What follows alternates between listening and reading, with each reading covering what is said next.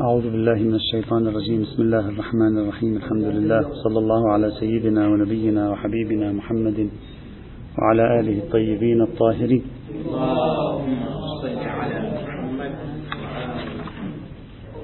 وصل بنا الحديث عن الظاهرة اللافتة للنظر وهي ظاهرة التحول من إطار التشدد في موضوع التعدي عن النص إلى التسامح بعض الشيء في موضوع التعدي عن النص.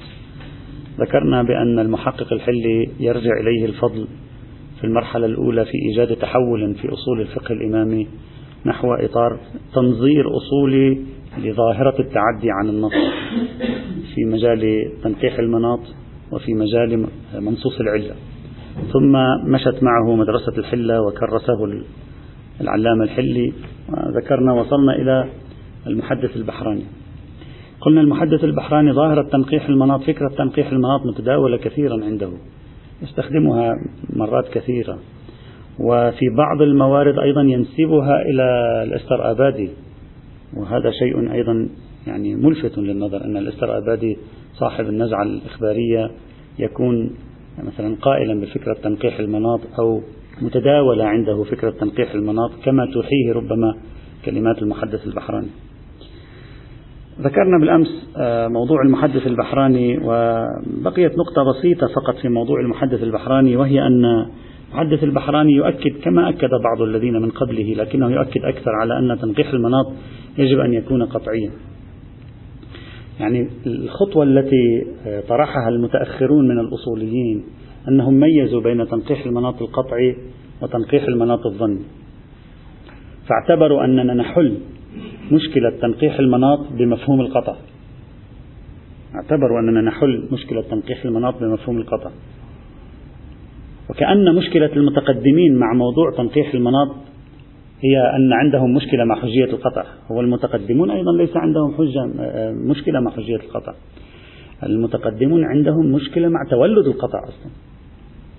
يعني أنت إذا قلت لي نعم تنقيح المناط الظني ليس بحجة تنقيح المناط القطعي حجة. المتقدم لو عرضت عليه هذه الفكرة أيضا سيقبل بها. إذا المشكلة بين المتقدم والمتأخر أين؟ المشكلة في الحقيقة في التطبيق في إمكان ولادة اليقين.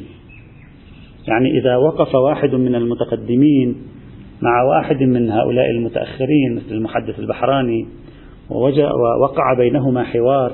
الحوار لا يكون في حجية أو عدم حجية تنقيح المناط القطعي. سيقبلون كلاهما سيقبلان بتنقيح المناط القطعي لأن المفروض أنه قطعي. إنما إشكال المتقدمين من أين حصل لك هذا القطع؟ من أين أتيت بهذا القطع؟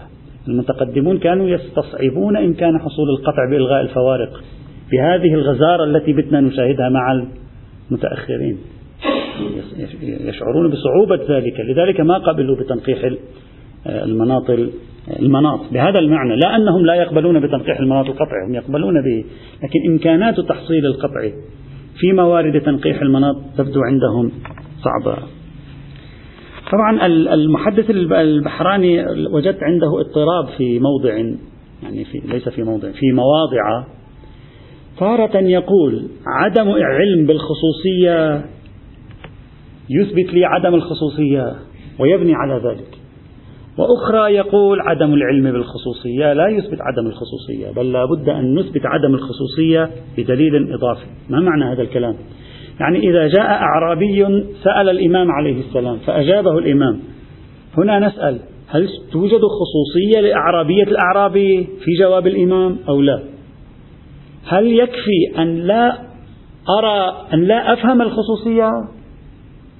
أو لا بد لي أن أثبت عدم الخصوصية في أعرابية الأعرابي.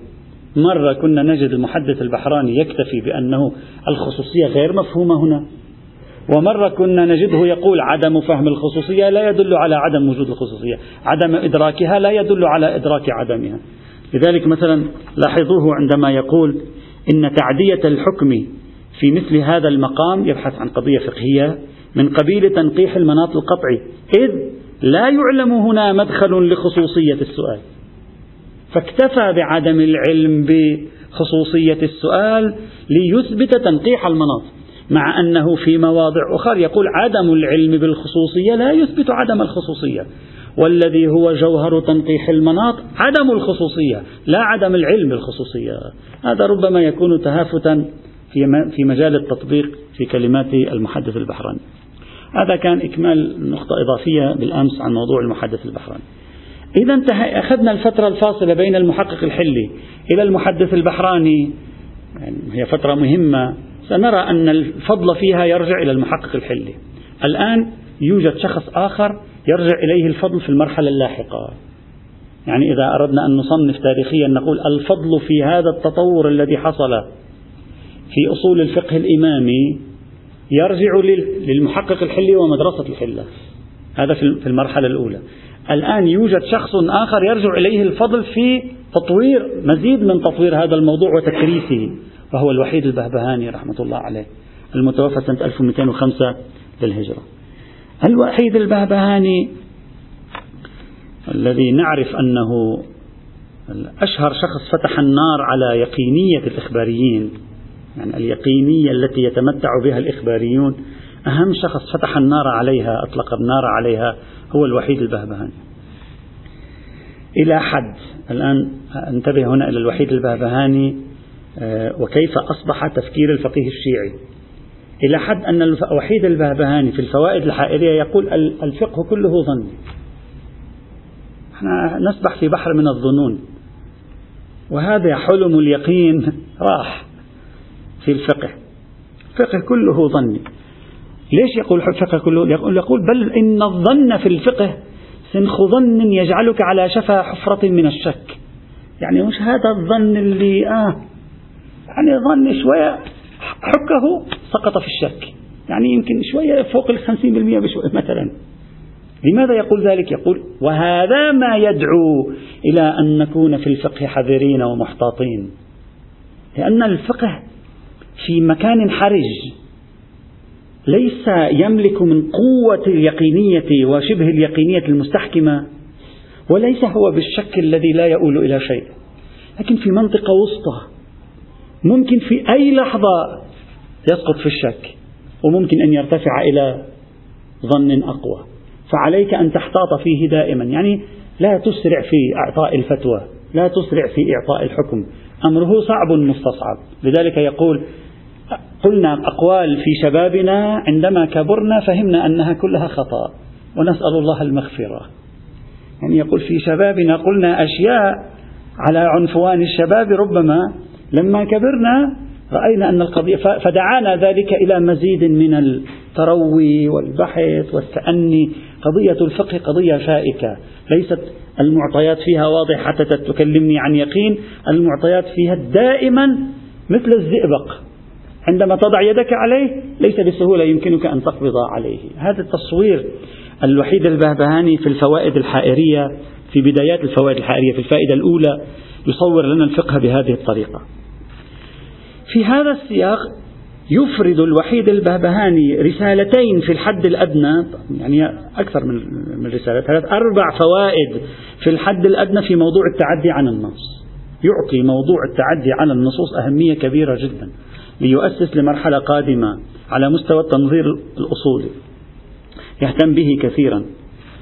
ويقول بأن تحدي الفقيه كيف يميز بين التعدي الجائز والتعدي غير الجائز. فقاهة الفقيه تظهر في كيف يعرف هنا التعدي جائز عن النص وهناك التعدي غير جائز عن النص. هذا هو الصعوبة. يعني هذه هي المنطقة المبهمة التي تحتاج إلى خبرة وإلى إلى إلى دأب وإلى تأن وتأمل بالغ. هذا مكان تحدي الفقيه بالنسبة إلى الوحيد البهبهاني. بل. نعم نعم نعم نعم نعم صحيح. ليش أنا جئت بنصه في موضوع الظن؟ لأن لأنني سوف أشفعه بعد قليل بنص له بكلام له يعطيك إيحاء أن أن الفروع مبنية على الظنون. هذا هو نفس الفكرة التي سادت إلى يومنا هذا في الاجتهاد السني. نفس الفكرة أن الفروع مبنية على الظنون الأصول مبنية على اليقين الفروع ظنون.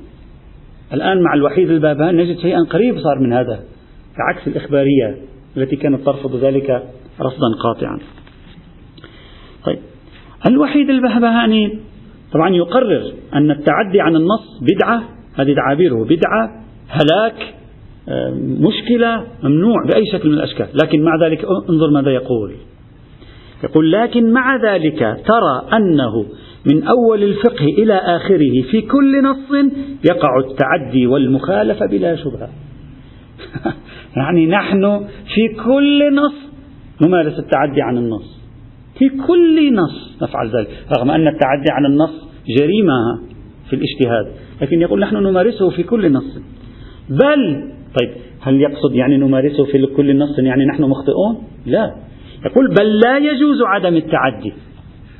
وقبل قليل قال التعدي حرام ومشكل والآن يقول التعدي واجب وتركه حرام وهذا هو المعنى أن التعدي وعدم التعدي بينهما فاصل بسيط وهنا تحدي الفقيه.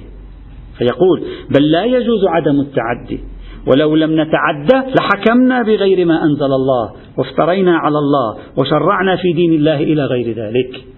إلى أن يقول فظهر مما ذكرنا أنه يحرم التعدي عن النصوص جزما ويحرم عدم التعدي جزما. واقعا تعابير تدل على حجم الصعوبة التي في الموضوع التي تدفع بالوحيد الباباني يستخدم هذه التعابير. يعني صعب. تعدي واجب وعدم التعدي واجب. التعدي حرام وعدم التعدي حرام. ويحرم مخالفة النصوص جزم نصوص جزما ويحرم عدم المخالفة جزما. فلا بد للمجتهد من معرفة المقامين وتمييزهما ومعرفة دليل التعدي حتى يكون مجتهدا. يعني اجتهاد المجتهد أين؟ في قدرته في هذا النص على أن نتعدى وفي ذاك النص على أن لا نتعدى الآن تجلس بين الفقهاء. كنت أحضر عند أحد الأساتذة. أحد العلماء الآن خارج إيران. وكان شديد ميال بعض الشيء للإخبارية في شيء من بعض قواعده. يقول لا هذا تعد عن النص. تعد عن النص تعد. كلما تتكلم معه تعد عن النص. ثم في مورد آخر هو يتعدى بكل سهولة. فمرة سأله أحد السائلين قال له نحن ما فهمنا الآن. يعني عندما تريد تتعدى عن النص ومن أحد يسأل وعندما تريد تقول لا تعدي عن النص وهذا جريمة كبيرة. ما المعيار؟ لا يوجد معيار. يعني لا يوجد معيار مبين. مما يدل على صعوبة أن تضع معيار. يعني الفقيه خبرته وتجربته هي التي تعطيه المعيار. يعني هذه الخبرة المتراكمة في ذهنه تعطيه هذا الفن. أما الشيء يمكن أن أكتبه اسمه معيار يبدو صعبا. فيقول ومعرفة دليل التعدي حتى يكون مجتهدا. لما عرفت؟ هذا هو النص الثاني الذي أريد أن أستفيد منه.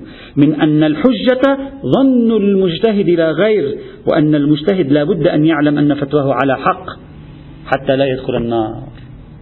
يعني المعيار هو ظن المجتهد. ظنون هي المعيار. ظن المجتهد والظن حجة. رغم أن الوحيد الباباني ليس انسداديا لكن الجيل الذي أنتجه الوحيد الباباني هو الجيل الانسدادي كان. لأنه هو فتح طريق متوفي 1205 فتح الطريق بنقده يقين الإخباريين فتح الطريق على الظنون. طبعا هو لم يكن انسداديا لكن الجيل الثاني ميرزا القمي انسدادي.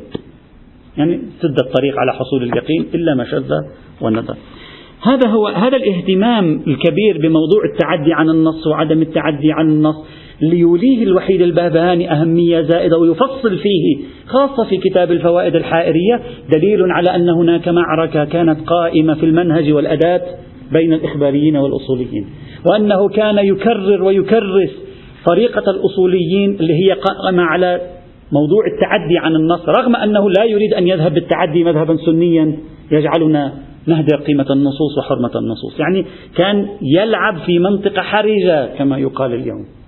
فلا يريد أن يتورط في انكماشية الإخبارية إذا صح التعبير.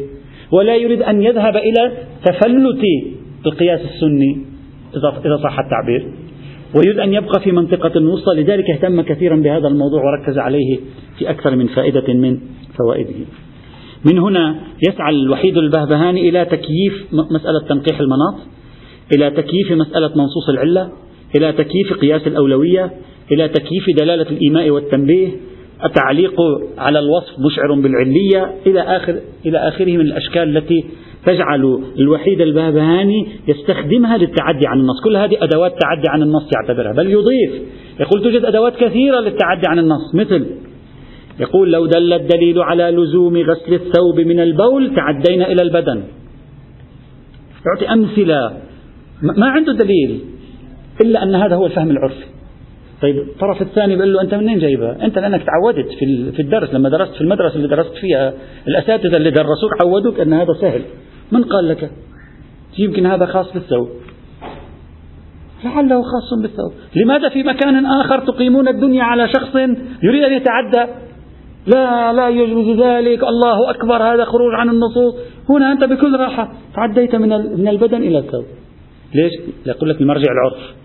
تكريس مرجعية العرف هنا. يقول فهمي هو الفهم العرفي. وفهمك ليس فهما. فإذا صراعنا صراع في مرجعية الفهم العرفي في هذه الأشكال من التعدي. أو مثلا يقول بل ليس نتعدى من البول. يقول مثلا لو جاءت الرواية تقول إذا كان على بدنك بول عليك أن تطهره قبل أن تصلي. يقول نتعدى إلى الثوب ونتعدى إلى غير البول من النجاسات أيضا. يقول طبعا حجته في ذلك ما هي؟ سيرة الفقهاء. يعني الفقهاء هكذا يفهمون. فأخذها حجة هو. لكن كيف يريد أن يخرجها؟ يقول لك العرف.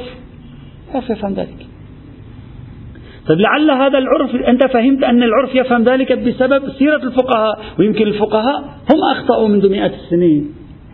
يقول لك لا هكذا يفهم العرف. إذا المرجعية العرف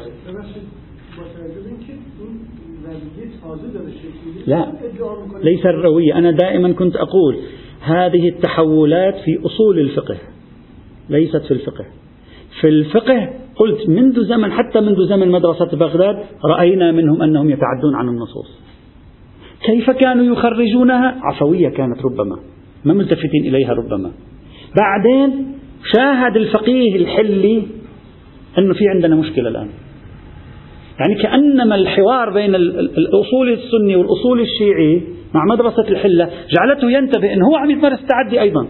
يعني السني يقول له أنت عم تمارس التعدي تتكلم معي؟ فأراد أن يفهم ماذا فعل هو. وما الفرق بين الذي فعله هو وبين الذي يفعله السني؟ بدأ يفكر أصوليا. يعني الكلام كله في التنظير وفي وضع أدوات لتخريج هذا الأمر. طبعا هذا لا يعني أن المتقدمين كانوا يمارسون أدوات التعدية بنفس الحجم الذي مارسه المتأخرون. لا المتأخرون يمارسون أدوات التعدية بحجم أوسع كما هو واضح. لذلك كنت أكرر أنا أن هذا الموضوع في, في كيف دخل إلى موضوع التنظير. لا إلى كيف دخل إلى موضوع التطبيق. في التطبيق أحيانا تجد يتعدى.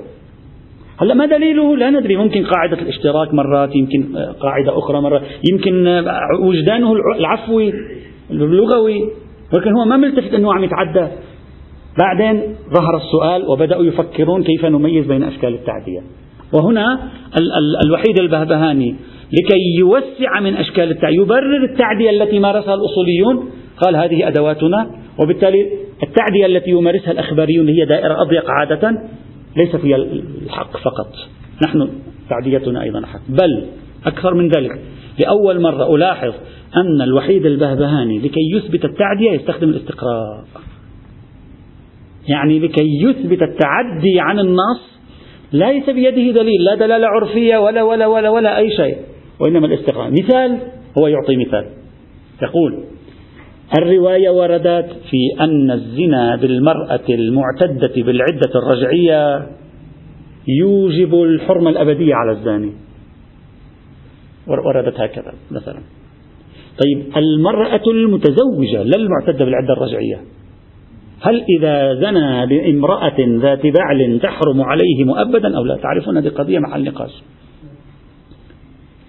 ماذا قال؟ قال نعم يسري. رواية واردة في العدة الرجعية. فلعل كونها في العدة له خصوصية. قال لا لأننا بحثنا في الفقه. من أوله إلى آخره. في كل موضع رأينا أحكام العدة الرجعية المعتدة بالعدة الرجعية أحكام الزوجة. متحدين في الأحكام. فإذا اتحدوا في الأحكام لحقتها. هذا هو نفس الاستقراء. استخدم الشيخ الوحيد الباباني رحمه الله الاستقراء من أبواب مختلفة لكي يقول حكم هذه وهذه واحد إذا نستطيع أن نسري نعم نعم. يفتون يفتون بعض الفقهاء. لا كثير الفقهاء يفتون على هذه الفتوى. كثير. القلة الذين لا يفتون على هذه الفتوى. الآن. نعم نعم. نعم. يعني الزنا. طبعا بعضهم بالرسالة العملية تجد احتياط وجوبي. ولكن لا. فإذا الوحيد البهباني يستخدم الاستقراء أيضا لإثبات النظام التعدية طبعا هذه الطريقة أستبعد أن يقبل بها الإخباري أستبعد أن يقبل بها المتقدمون. هذه من الطرق التي توسع بها الأصوليون. بل أكثر من ذلك. يقول ممكن أن نستخدم نظام التعدي عبر الأدلة الدالة على البدلية. مثلا يقول جاء في التيمم جاء في الوضوء أنك تغسل اليد اليمنى قبل اليد اليسرى. انتهينا. ثم جاءني دليل يقول التيمم بدل الوضوء. أتمسك بعموم البدلية لأقول في التيمم تبدأ بمسح اليمنى قبل اليسرى. شو هذا؟ هذا كلام ما ليس سهلا في فضاء غير قياسي. يقول أستخدم دليل البدلية. يعني بدأوا يفتشون عن وسائل في النصوص تسعفهم في الخروج من مكان إلى مكان. للوهلة الأولى هذا يبدو قياس. تقيس التيمم على الوضوء. يقول لا أنا لا أقيس على الوضوء. أنا أستند إلى دليل البدلية. التيمم بدل عن الوضوء فإن لم تجدوا ماء فتيمموا صعيدا طيبا هذه البدلية. فنعتبر من البدلية هكذا. في الخمس هذا استدلوا به أيضا. قالوا في الزكاة يشترط في مصرف الزكاة مستحق الزكاة التشيع والاثنى عشرية. الخمس بدل عن الزكاة. وبدليل البدلية مثلا الخمس بدل عن الزكاة فيشترط فيه أيضا في المستحق إذا مفهوم البدلية. هذه وسائل جديدة الآن بدأت تظهر مع الوحيد البابهاني لفتح يد الفقيه لبسط يد الفقيه كي يستخدم أدوات جديدة لصالح التعدي عن الظاهر الأول للنص. وهذا فعلا لافت للنظر. هذه الالتفات التي يلتفت إليها الوحيد البهبهاني طبعا من وين هذا كله؟ يقول لك دلالة العرف هكذا هو دلالة النص. نص هكذا يقول.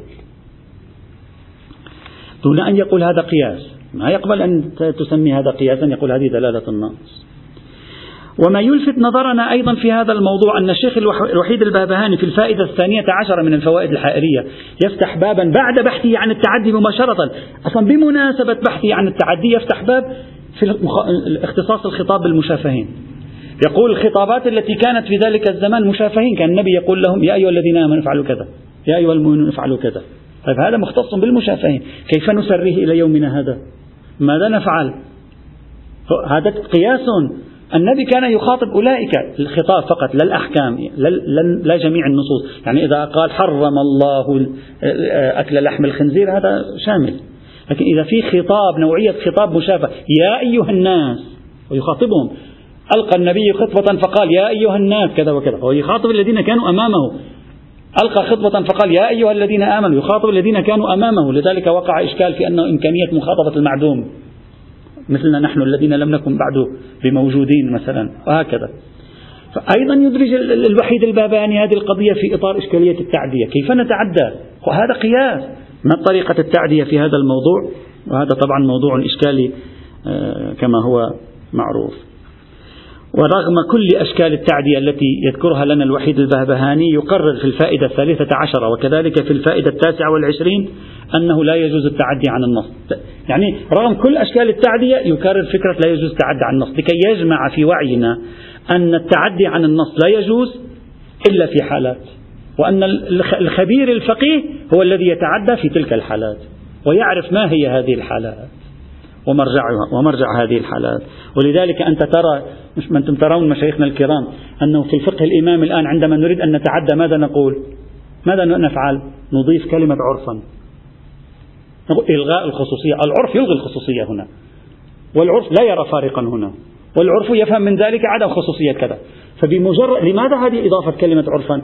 لأن أصول الفقه الإمامي أراد أن يجعل من الكثير من أشكال التعدية ليس سوى تفسير للنص. وأن هذا هو الفهم العرفي للنص. وبالتالي العرف لا يفهم الخصوصية يعني الخصوصية وجود وعدم سيان. هذا السر في أنك ترى هذه الكلمة متداولة كثيرا. لماذا؟ لأن أمثال الوحيد البابهاني ومن سبقه ولاحقه نظروا لجعل أدوات التعدية أدوات عرفية يعني داخلة في إطار هرمونوطيق النص تفسير النص دلالة النص حتى يفروا من إشكالية القياس. الجماعة يمشون مثل على الصراط المستقيم. اللي هو فوق جهنم يقال أنه أحد من السيف أرق من الشعرة. يعني أي خطأ تقع. فهو يعني ماشي بطريقة فعلا صعبة يريد أن يثبت التعدي حتى يفتح يد الفقيه. يستطيع يستفيد أكثر من النصوص. وهو حذر في الوقت عينه من التورط في بحث القياس. هذا الذي توسع به الوحيد البهبهاني ورأيناه قبله مع المحدث البحراني وبدأه المحقق الحلي استمر لاحقا. يتكرر هو نفسه تقريبا يعني مع إشارات طفيفة. الملا, الملا مهدي النراقي كاشف الغطاء الميرزا القمي المحقق النجفي. طبعا المحقق النجفي كان كثير حذر في موضوع تنقيح المناط الشيخ الأنصاري مدرسة الشيخ الأنصاري إلى يومنا هذا تكرر كل هذا الكلام.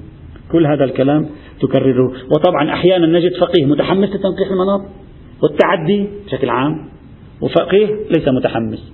هذا تلاحظه. يعني عندما تقرأ بعض الفقهاء تلاحظ واحد منهم متحمس أكثر عنده اندفاع أكثر واحد منهم شوي يتعدى ولكن في الموارد التي لا بد منها. في الموارد الأخرى لا لا يتعدى. مثلا الأغارضة الهمداني كثير الاحتياط في موضوع تنقيح المناط والتعدي على النص في باب العبادات مثلا. هذا واضح تجد بعض المواضع يحتاط كثيرا في هذا الإطار. لا لا هذه هذا المقدار خرجوا منه. في مشاكل أكثر الآن ظهرت. هذا مقدار يعني هذا مثال بسيط. في مشاكل أكثر من ذلك مثل هذه موضوع الزنا. ومثله صار في كثير الآن. تعدي من باب الوضوء للتيمم في باب البدليات. بدأ والآن في عصرنا الحديث فتحت الأسئلة كثيرا على التعدي. لا فرق بين هذه وهذه أو, أو يوجد فرق بين هذه وهذه وهكذا. لكن المحقق النراقي فقط من بين هذه المسيرة إلى يومنا هذا المتوفى 1244 أضاف فكرة مهمة. أكد على مرجعية الاستقراء في التعدي. يعني تابع الوحيد البهبهاني. وأكد على مرجعية الاستقراء. في في موضع يعلق على من قال بأن التعدي لا يكون إلا بمنصوص العلة أو بالإجماع أو العقل. يقول لا التعدي ليس من الضروري يكون بالعقل أو بالإجماع أو بمنصوص العلة. يمكن تعدي بشيء آخر. ما هو؟ يقول ولا يلزم من عدم القطع بالعلة بالدليل العقلي ولا بالإجماع عدم القطع بها أصلا. لماذا؟ إذ قد يعلم بالاستقراء. أو عدم معهودية اعتبار مثل ذلك الفرق في الأحكام الشرعية. ليس معهود أن هذا فرق. استقراء. الآن شوف هذه الجملة المهمة. يقول وأكثر ما ينقح فيه المناط من ذلك القبيل أنت بتنقح المناط ببرهان عقلي؟ شو عندك برهان عقلي على تنقيح المناط عندك رواية في تنقيح المناط هنا في هذا المورد؟ لا. عندك إجماع يقول لا. أكثر موارد ما يستخدمه الفقهاء تحت شعار تنقيح المناط برأي المحقق النراقي رحمة الله تعالى عليه هو عبارة عن استقراء. لاحظوا طبيعة الأحكام الشرعية لا ليس فيها هذه الخصوصية. قالوا هذه ليست موجودة. خلاص انتهينا. استقراء المواقف استقراء النصوص شعروا هذه الخصوصية لا نرى لها حضورا في مواضع أخرى إذا هي ليست حاضرة هنا. فحذفوا هذه الخصوصية وهكذا وهكذا استمروا على هذه الشاكلة. إذا هذا هذا أمر مهم يعني يرشدنا إليه المحقق النراقي في هذا الموضوع. قبل أن أنهي هذا البحث أريد أن أتوقف قليلا عند طبعا عند المحقق المحقق الشعراني أبو الحسن الشعراني صاحب كتاب المدخل إلى عذب المنهل. عنده موقف معين ثم بعد ذلك استخلص النتائج من خلال هذه المسيرة في موضوع تنقيح المناط ومنصوص العلة وما شابه ذلك. المحقق الشعراني توفى 1393 للهجرة صاحب المدخل إلى عذب المنهل. شخصية طبعا مهمة جدا. غالبا ما أهملت. غالبا ما أهمل وإن كان كتبوا عنها كثير من المقالات في الفترة الأخيرة لكن هي غالبا مهمل وله مساهمات كثيرة في مواضيع مختلفة على امتداد العلوم الإسلامية بالمناسبة. حتى في الفلك فل على طريقة الشيخ يعني حسن زاد آملي متنوع عجيب تنوعه. رغم أن أعماله ليست بتلك الأعمال نمط الأعمال المبسوطة يعني أعمال مختصرة لكن يضيء على أفكار مهمة.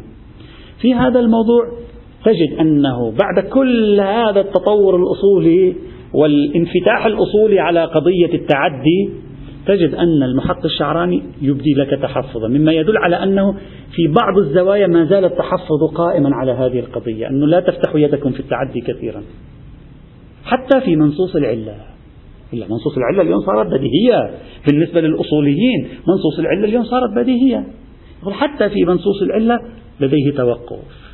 هذا أهمية ما يفيده المحقق الشعراني هنا. نحن سابقا منصوص العلة مدرسة بغداد كيف كانت تشكل على منصوص العلة؟ تقول الخمر حرام لأنها مسكر يقول لعله لأن الخمر مسكر فهي حرام. أما لو كان شيء آخر مسكر ليس حرام. يعني انضمام الخمرية إلى المسكرية هو الذي أوجب الحرمة وليس المسكرية بما هي مسكرية. كان طريقة إشكال البغداديين سابقا طوسي والمرتضى عقلية. صحيح يعني عقلية. يحس أنا ولعله ربما يكون المسكرية منضمة إلى الخمرية كذا وكذا. المحقق الشعراني لا. المحقق الشعراني قال أنا عندي تحفظ من موضوع العلة المنصوصة ليس على أساس هذا النوع من التحليلات. طبعا هو لم يقل ليس على أساس أنا أقول الآن. طيب على أساس ماذا؟ يقول على أساس لغوي. حق الشعراني بالمناسبة عرفي جدا ونمطه جميل للغاية يعني بالمناسبة. كل موضوع بسيط عرفي. كيف عرفي؟ يقول أنت بتسمع واحد عندما يعلل يعلل بالعلة التامة؟ أصلا الناس عندما تعلل لا تعلل بالعلة التامة. يعني مثلا أنا ماشي في الطريق أخرجت بعض المال من جيبي أعطيت هذا المال لفقير. فسألتني لماذا أعطيت المال؟ قلت لك لأنه فقير. فهل هذا يعني أنني كل فقير أعطيه المال؟ لا. صحيح؟ أنت سألتني قلت لماذا تعطي المال؟ قلت لأنه فقير. هل هذا يعني أنني كل فقير أعطيه؟ لا ليس بالضرورة. يقول محقق الشعراني يقول نحن استقرأنا التعليلات هذه قضية مهمة جدا في العام القادم. هذا أهم موضوع في قضية إشكال الدلالي في أزمة التعليل في النصوص والروايات والآيات. يقول إحنا استقرأنا. شفنا في موارد كثيرة يعلل لكن ليست العلة تامة العلة ناقصة. كثير كثير موارد سواء تعليلات تكوينية أو تعليلات تشريعية. ويأتي بشواهد أنا لا أريد أن أطيل. فيقول فلا نستطيع أن نفهم أن البنية الدلالية للتعليل هو التعليل بالعلة التامة لأن العرف لا يعلل بالعلة التامة. يعلل بالعلة الناقصة في أكثر الأحيان. والشرع أيضا باستقراء نصوصه ومتابعة تعليلاته يعلل بالعلة الناقصة. ونعرف ذلك بمقارنة علته مع موارد أخرى أحكامية. اكتشفنا أن العلة هذه وجدت في مواضع أخرى لم يحكم على وفقها. علمنا مما يدل على أنها ليست علة تامة. يقول مشكلتي مع منصوص العلة ليست مشكلة عقلية تحليلية فلسفية. لعل الخمرية مع المسكرية هي التي هذه لعل أنت جالس في بيتك بتحللها. نعم يحصل لك شك. لكن أنا مشكلتي ليس مع العلعلات مشكلتي مع طبيعة الدلالات. الدلالة لا تعطي شيئا. دليلي العرف والتجربة. يعني تجربة النصوص الدينية. ولذلك قال منصوص العلة أمره مشكل. إلا نادرا. إلا ما خرج بدليل وهذا يشعرك بأن المحقق الشعراني بأن أصول الفقه الإمامي حتى اليوم ما زال يوجد هناك تيار يبدي تحفظا على قضية التمسك بالعلل ويبدي حرجا في قضية التمسك بالعلل. هذه مهمة جدا في هذا الإطار. طبعا هذا غير الحرج الآخر في جانب آخر غير الحرج الآخر الذي يبديه أصول الفقه الإمامي اليوم خلال 200-300 سنة الأخيرة عندما يقول إن هذه العلل ليست علل وإنما هي حكمة. يعني هذا معنى هذا نفس المعنى الذي يريده الشعراني. فلذلك لا تجدهم يهتم تجدهم يهتمون كثيرا بموضوع التعليلات لأنهم لا يعتبروها تعليلات وإنما هي بيان حكم لا أكثر ولا أقل. طيب خلاصة ما أريد أن أصل إليه. واحد أولا إن تحولا حقيقيا حدث بين الإمامية في التعامل مع قضية الخروج عن النص أو التعدي عن اللفظ. في الوقت الذي كان أصول الفقه الإمامي عند المتقدمين يغلق الباب على أغلب حالات التعدي ولا يصرح بجواز حالة من حالات التعدي. وجدنا أن الأصوليين منذ مدرسة الحلة فما بعد وخصوصا بعد مجيء الوحيد البهبهاني بدأوا ينظرون لمسألة التعدي ويفتحون الباب ويضعون لها طرقا ومسالك في هذا المجال. هذا أولا. ثانيا عملية الخروج عن المرحلة السابقة على يد المحقق الحلي رأينا بأنها كانت حذرة جدا. إن كثير من المواضع يصرحون ثم تجدهم يحتاطون. يصرحون يحتاطون. تجد دائما أن مسألة التعدي عن النص هي إشكالية في العقل الشيعي. يعني هي هاجس. هاجس ضرورتها وهاجس الخوف منها. هذه مهمة. أما العقل السني ما عنده هذا الهاجس. طبعا باستثناء الظاهرية. العقل السني من كثرة ما يتعدى الأمر سهلة يسيرة. ما عنده مشكلة. أما العقل الشيعي لا. العقل الشيعي لأنه لا يريد أن يهدر النص ولأن عنده مشكلة في الأصل مع القياس. كان دائما موضوع التعدي عن النص هو مشكلة. لازم تضع قاعدة للتعدي لازم تكون القاعدة محكمة لازم تكون قاعدة ثابتة.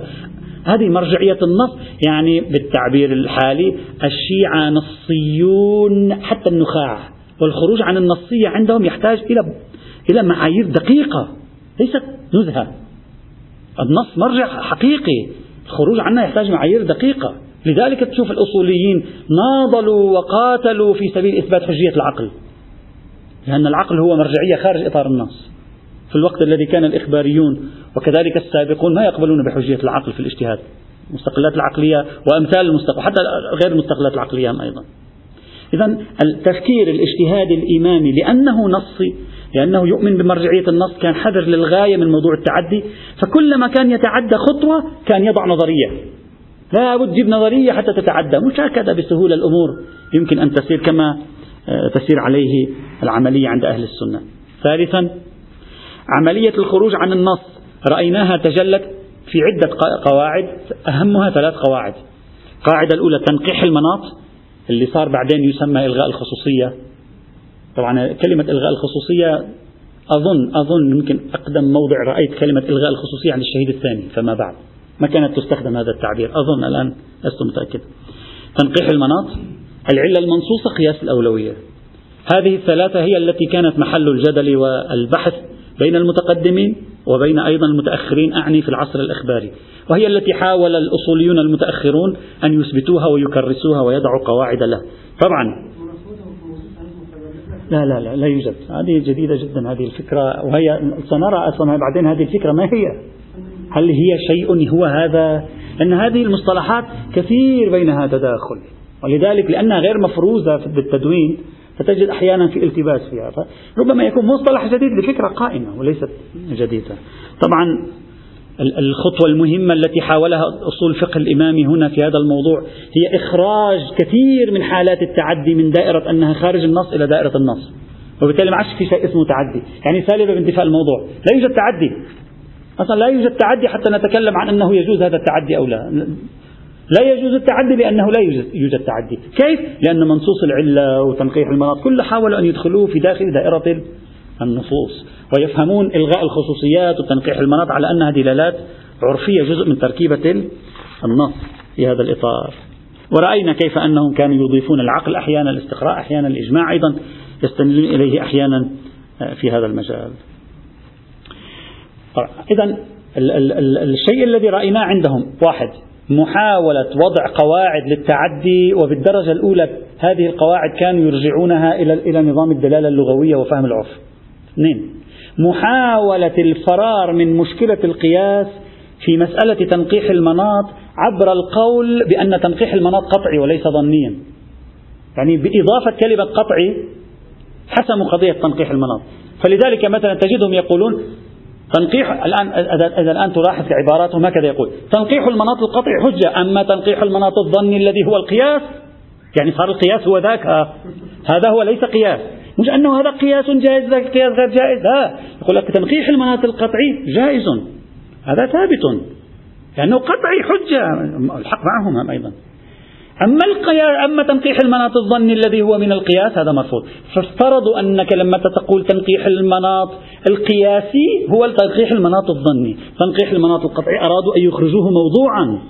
عندما يعني تراجع أدبيات كلامي أرادوا يخرجوه موضوعا. أصلا هذا نحن يعني ما لا أدري كيف أشرح. لم يريدوا أن يقولوا نحن طرحنا نظرية تفصيلية في القياس. كانوا حذرين. لم يريدوا أن يقبلوا بأن يقولوا نحن نقبل بالقياس في بعض المجالات. وإنما هذه المجالات التي قبلوا بها التي أنت للوهلة الأولى تتصورها قياس حاولوا أن يقولوا هي ليست قياس من الأول. وبالتالي نحن خارجين عن القياس تخصصا ليس تخصيصا. وسبب ذلك الحذر الشديد من مسألة القياس. يعني الجماعة أنا في تقديري في غاية الانتباه يعني في دائرة 360 درجة. يعني لديهم أعين حقيقة وهذا يثير إعجاب الإنسان. لديه لديهم أعين من الأمام وعلى اليمين وعلى اليسار من الخلف. يريد أن يثبت شيئا وفي نفس الوقت لا يريد أن يتورط بشيء آخر وفي نفس الوقت لا يريد أن يصبح قائلا بالتفصيل. كل الحيثيات يريد أن يتوصل إليها دون أن يلحق به ضرر أصلا. فعلا هذا الذي فعلوه. هل أنت توافق على ذلك؟ لا توافق لكن من وجهة نظرهم قالوا هذا الذي فعلناه ولذلك لا لا تجد أحد منهم الآن يقول نحن نعم نقول بالقياس. لا يقبلون بذلك إطلاقا. حتى قياس الأولوية ماذا قالوا؟ قالوا قياس الأولوية دلالة التزامية أصلا. حتى هذا اللي سنت قياسه هذا من الدلالات الالتزامية. ورأينا كيف أن بعضهم سماه بالمنطوق غير الصريح. أدخله في الدلالة اللفظية. حتى هذا قياس كلمة قياس أصلا حذفها حتى يستخدموا في مكانها تعبيرا آخر. وهذا يدل على كمال احتياطهم وتدقيقهم في هذا الموضوع لأن الموضوع ليس بسيطا ولا سهلا أبدا. من هنا لم يعد إشكال القائلين بالقياس واردا هنا. ما معنى لا إشكال؟ يعني أنت الآن أنت قياسي. شيعي قال أنا أقول بتنقيح المناط القطعي تقول إذا أنت يجب عليك أن تؤمن بالقياس. لا يا أخي أنا أقول بتنقيح المناط القطعي لا تعني أنني تنازلت لك لا أنا لم أؤمن بالقياس. هذا منفصل تماما عن هذا الموضوع. طيب طبعا نقطة الفرق بين مسألة إرجاع القواعد إلى باب الدلالة اللفظية وما بين تخريج هذه المواقف على أساس القطع في فرق كبير جدا نظريا. إذا خرجت هذه التعديات على أساس القطع فأنت ما بتكون عملت شيء. صحيح حجة. لكن السؤال كيف نصل إلى هذا القطع بينما إذا خرجتها على أساس الدلالة اللغوية نعم المرجع هو اللغة وفهم العرف. فتخريج هذه التعديات على أساس قواعد الدلالة اللغوية أدق موضوعيا. أدق وممنهج أكثر من تخريج على أساس قطع. تخريجي على أساس القطع تخريج على أساس ذاتي. يعني ترجعه إلى ذات المجتهد. تقول له أنت إذا قطعت. بعدين كيف قطعت؟ يمكن يجيك مجتهد يقول لك أنا قطعت بكل هذا القياس الذي بكل التطبيقات اللي فعلها أبو حنيفة. أنا حصل عندي ترقيح مناط قطعي كيف تحل المشكلة معه؟ ما في معيار. أنت أحلت إلى قطعه قطعه من أين يأتي؟ لم تقل له كيف. بينما إذا أحلت إلى معيار الدلالات اللفظية تكون أحلت إلى شيء أفضل نسبيا أفضل نسبيا وأدق في هذا المطار. هذا هذا هذه المحاولة أو هذا الجهد الكبير الذي فعله أصول الفقه الإمامي وتوصل إلى نتيجة سماح بالتعدي تنظير للتعدي تبرير التعديات التي كانت منذ القرون الأولى إلى اليوم دون التورط في القياس. القياس هذا ما في مزح معه. حتى الانسداديين الميرزا القمي الذي قال بحجية مطلق الظن أنتم قرأتم الكفاية وقرأتم الرسائل ماذا قال ميرزا القمي؟ قال نعم الظن كل ظن حجة. يابا حتى الظن من رفيف الطير. نعم. ظن الأحلام هم فيه وجه ما عنده مشكلة فيه. الظن بالأحلام الأحلام أعطتك ظن بالحكم هم يمكن البحث فيه. لكن الظن القياسي لا. يابا الظن القياسي أقوى من الظن رفيف الطير. لأنه ورد فيه النص. يعني حضور حظر القياس كان قوة ضاغطة على الفقيه والأصول الشيعي كي يمشي حذرا فيخرج كل المواقف دون أن يتورط بالقياس وفي تقديري على رأيهم وبدرجة عالية الجماعة في, في يعني في تقدير نجحوا بدرجة عالية فيما أرادوا أن يصلوا بصرف النظر عن بعض الإشكاليات في العام القادم سوف نتكلم عنها إن شاء الله تعالى. هذا حاصل ما أردت أن أبحثه في هذه القضية في هذه الظاهرة التي هي ظاهرة التعدي عن النص وشيء من التعليل. ولكن إلى هذا المجال لا يوجد مقاصدية. هذا كل التفكير هذا لا يوجد فيه تفكير مقاصد. حتى هذه التعديات لا يوجد فيها تفكير مقاصدي. ظاهرة أخرى هي ظاهرة الذرائعية التي رأيناها مع شيخ الشريعة الأصفهاني سد الطرق وفتح الطرق سد الأبواب. هذه تكلمنا عنها قبل أشهر. عندما كنا نتكلم عن الاجتهاد الذرائعي شرحناها بالتفصيل شرحنا آراء شيخ الشريعة الإصفهاني فلن أعيدها. أنتم بإمكانكم ترجعوا إليها. يوم السبت إن شاء الله نبدأ بالمشهد المعاصر يعني الفكر الشيعي النهضوي الحديث وتعامله مع قضية القياس واجتهاد التعليل والتعدي عن النص يأتي إن شاء الله. طبعا سوف نتكلم عن يعني شخصيات أمثال يعني بعض الشيء مثلا ميرزا النائيني السيد الخميني السيد الصدر السيد السيستاني الشيخ محمد مهدي شمس الدين وبعض الأطروحات الأخرى. والحمد لله رب العالمين. طبعا باختصار شديد يعني لأن ليس عندهم كثير بحوث في هذا الموضوع. المدخل إلى عذب المنهل. في أصول الفقه.